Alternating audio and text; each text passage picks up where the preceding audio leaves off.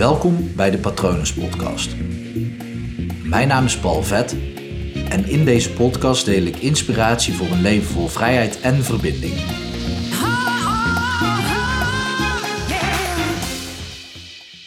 Als er vaak genoeg tegen je wordt gezegd dat iets spannend is, dan ga je dat vanzelf spannend vinden. Zo werkt je brein nou eenmaal, want nou ja, dat is ook de manier hoe je ooit bent gaan leren, om, ehm, omdat je dan gaat generaliseren. Je wordt bijvoorbeeld vanaf jongs af aan geleerd dat een stoel een stoel is. En vanaf dat moment herken je een stoel omdat het een stoel is. Maar niet elke stoel is hetzelfde, dat generaliseer je.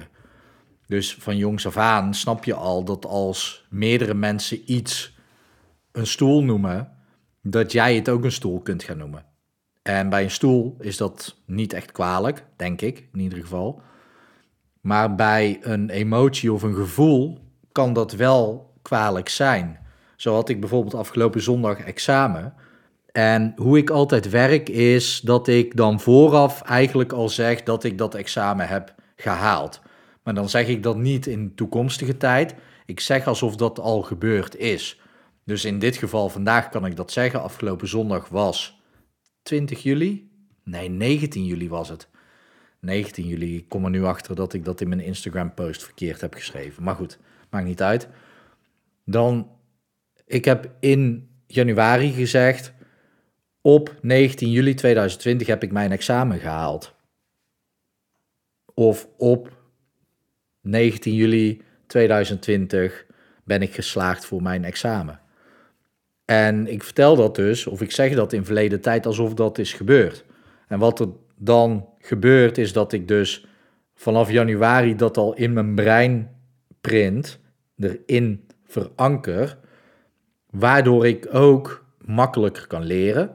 Want ja, ik heb al dat examen gehaald, dus ja, ik ken, ik ken het eigenlijk al. Hoe gek dat misschien ook klinkt, maar daardoor wordt het wel makkelijker.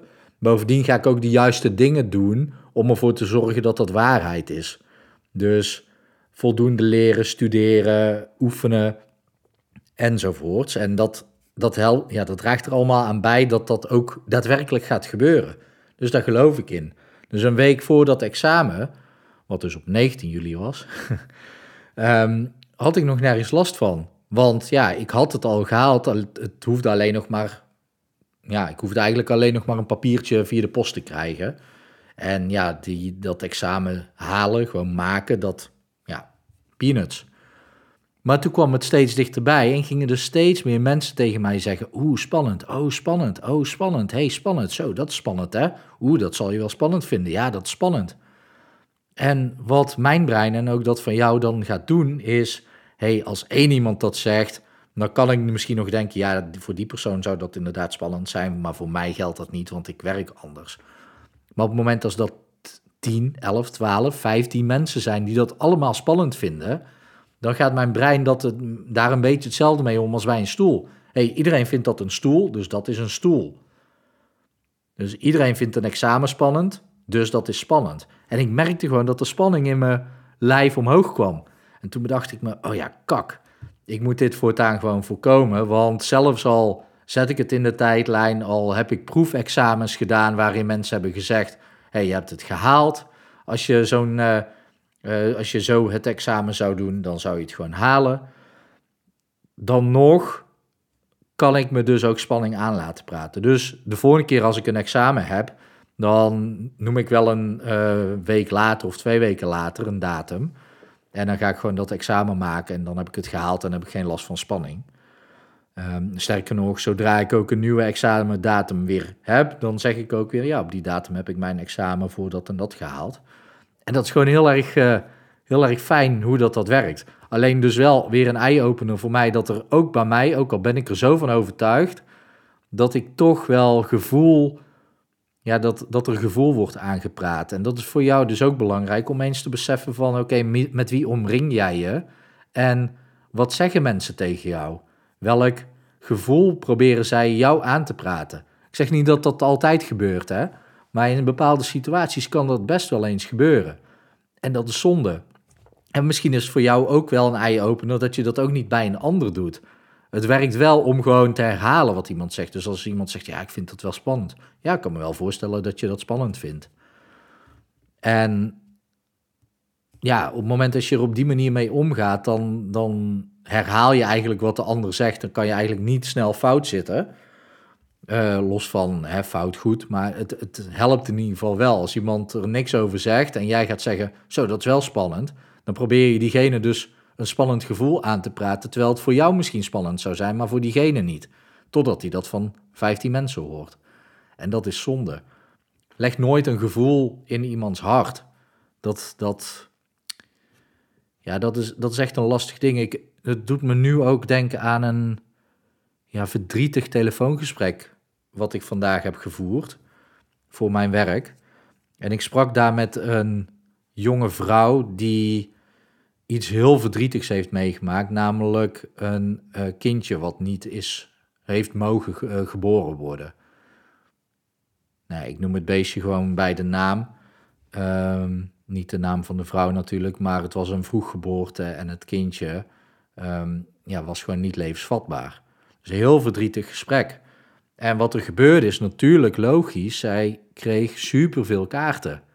Echt tientallen kaarten opgestuurd met steunbetuigingen. En dat is super lief en hartstikke logisch.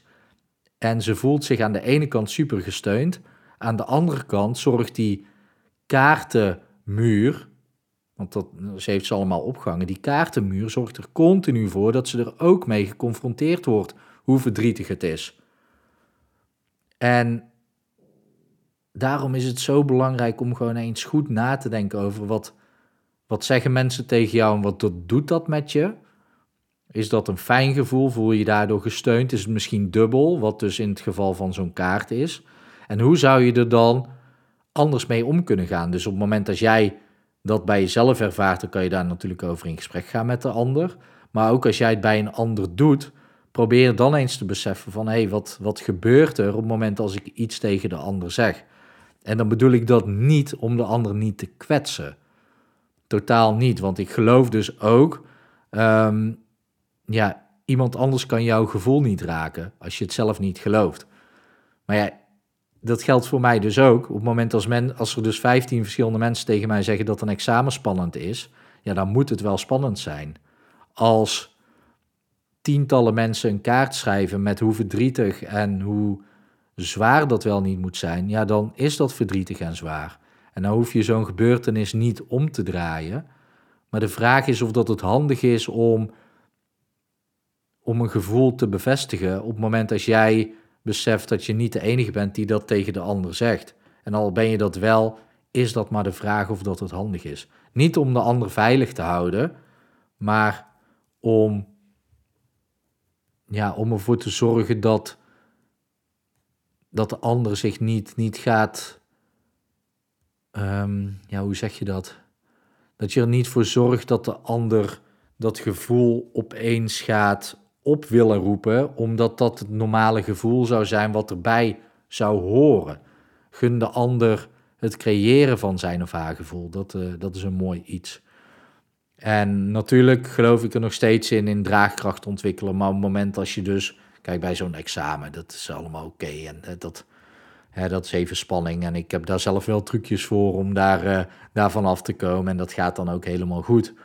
Maar op het moment als iemand traumatische ervaringen heeft meegemaakt en je gaat, gaat dan de hele tijd een bepaald gevoel bevestigen in je vriendschap, um, met goede intenties waarschijnlijk, hè, dan is het handig om daar eens over na te denken.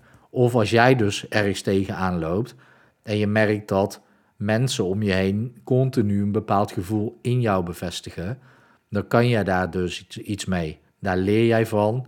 Daar haal je informatie ook uit. Dat is super belangrijk, want op het moment als het wordt geraakt in jou, dan betekent dat daar een kern van waarheid in zit. In, het, in ieder geval dat jij het gelooft.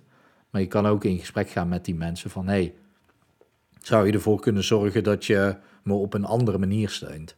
En dat levert vaak hele mooie gesprekken op. Goed, mocht je dit lastig vinden of mocht je het abracadabra vinden, dat kan ook. Laat me vooral weten via patronesetpalvet.com als je vragen over hebt. En kijk natuurlijk gewoon even op www.hypnopal.nl of op Instagram hypnopal.nl om te zien wat ik voor jou kan betekenen. Ik hoop dat het goed met je gaat. Ik hoop dat het goed gaat met dierbaren van je. En ik wens je natuurlijk nog een mooie avond toe.